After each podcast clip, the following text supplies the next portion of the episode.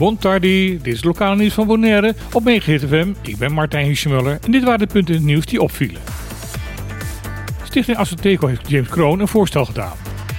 Als de gedeputeerde van UPP voor 5 februari een schikking met de stichting ondertekent, dan zal Assoteco al haar leden het stemadvies geven om op 15 maart op UPB te gaan stemmen.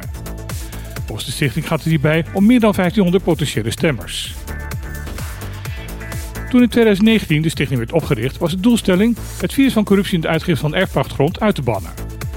Woordvoerder Michael Bijkerk zei in de tijd dat politici van Bonaire de erfpachtuitgifte als instrument gebruiken om aan meer stemmen te kunnen komen. Dat onrecht wilde de stichting aanpakken. Daarvoor werd onder andere een rechtszaak tegen de OLB aangespannen. Vorige maand echter wees de rechter in zijn uitspraak de eisen van ACTECO af. De stichting is daartegen in beroep gegaan omdat volgens Bijkerk de rechter de zaak verkeerd heeft begrepen.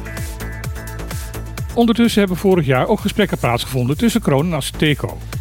De inzet was daarbij om te komen tot een minderlijke schikking. Volgens Bijkerk was Kroon daar heel enthousiast over, maar tot ondertekening daarvan door het bestuurscollege is het niet gekomen. Daarom doet Aceteco nu het aanbod dat erg lijkt op datgene wat men in 2019 zei te willen bestrijden. Een handtekening onder een schikking in ruil voor extra stemmen op 15 maart. Het bestuurscollege van Bonaire heeft de wens dat het MBO op het eiland een meer divers opleidingsaanbod kan gaan aanbieden. Dat heeft BC in een gesprek met onderwijsminister Robert Dijkgraaf kenbaar gemaakt. De minister heeft in het gesprek duidelijk gemaakt dat het versterken van het onderwijs en het MBO in het bijzonder een hoge prioriteit voor hem heeft. Het BC wil door de uitbreiding van het aantal opleidingen het middelbaar beroepsonderwijs op het eiland ook aantrekkelijker maken voor studenten uit de regio. Daarbij moet niet alleen het onderwijsaanbod vergroot worden, maar ook het huisvestingaanbod voor studenten van buiten het eiland. Het opzetten van een eigen campus zou daar volgens het BC een oplossing voor kunnen bieden. Minister Dijkgraaf benadrukte dat bij het uitbreiden van het leeraanbod er wel goed gekeken moet worden naar de behoeftes vanuit de arbeidsmarkt. In een uitzending van het actualiteitenprogramma Op de Klippen op 15 januari langs Leden zei Lisette Keizer, directrice van het MBO Bonaire, dat de school altijd wil inspelen op het werkveld. Als de arbeidsmarkt vraagt om extra opleidingen, zal de school kijken of daar passende oplossingen voor te vinden zijn. Ook op Saba zal de politie de komende tijd strenger gaan optreden bij overtredingen van verkeersregels. In 2022 zijn overtredingen van het nieuwe verkeersreglement op Saba nog niet beboet. Er werden alleen waarschuwingen en informatie gegeven.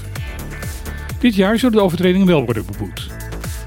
Anders dan op Bonaire wordt in Saba nog gewerkt met stickers op het kenteken om aan te geven dat de wegenbelasting voor dat voertuig betaald is. De politie waarschuwt dat een te oude of ontbrekende sticker ook een boete zal opleveren. Verder zegt de politie te gaan controleren op donkere ruiten in een voertuig. Bij de voorruit en de voorste zijruiten moet er minimaal 35% van het buitenlicht naar binnen kunnen komen. De ruiten achter mogen wel donkerder zijn. Op Bonaire klinkt er regelmatig kritiek dat het erop lijkt dat politieagenten hier niet voldoende letten op het gebruik van te donkere voorruiten. Zoals het er nu naar uitziet, hebben agenten op Saba daar nu wel strengere instructies voor gekregen. Al sinds haar oprichting worstelt de Vaste Kamercommissie voor Koninkrijksrelaties met haar status ten opzichte van de zogenaamde vakkamercommissies. In 2010 werd er afgesproken dat de Commissie voor Koninkrijksrelaties vooral een coördinerende taak zou moeten hebben. Specifieke invulling van de zaken moest overgelaten worden aan specialisten in de commissie van bijvoorbeeld sociale zaken, onderwijs en economische zaken. Al heel snel bleek dat niet te werken. Kamerleden in de vakcommissies hebben dan wel kennis over hun specialisme, maar snappen over het algemeen niks over de specifieke Caribische problemen. Mede daardoor kan in de Tweede Kamer het Caribisch deel van het Koninkrijk er vaak maar bekaaid vanaf. De vorige voorzitter van de commissie, de D66er Jan Paternotte, stond op het standpunt dat wanneer andere commissies de kwestie niet oppakten, dit maar gedaan moest worden door de eigen commissie. De huidige voorzitter, Marielle Paul van de VVD, is echter van mening dat koninkrijksrelaties niet op de stoel mag gaan zitten van andere Kamercommissies.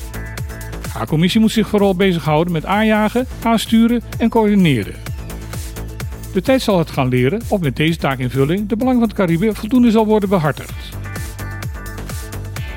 Dit was weer het lokale nieuws op Megahit FM. Ik wens iedereen nog een hele mooie dag en dan graag weer. Tot morgen.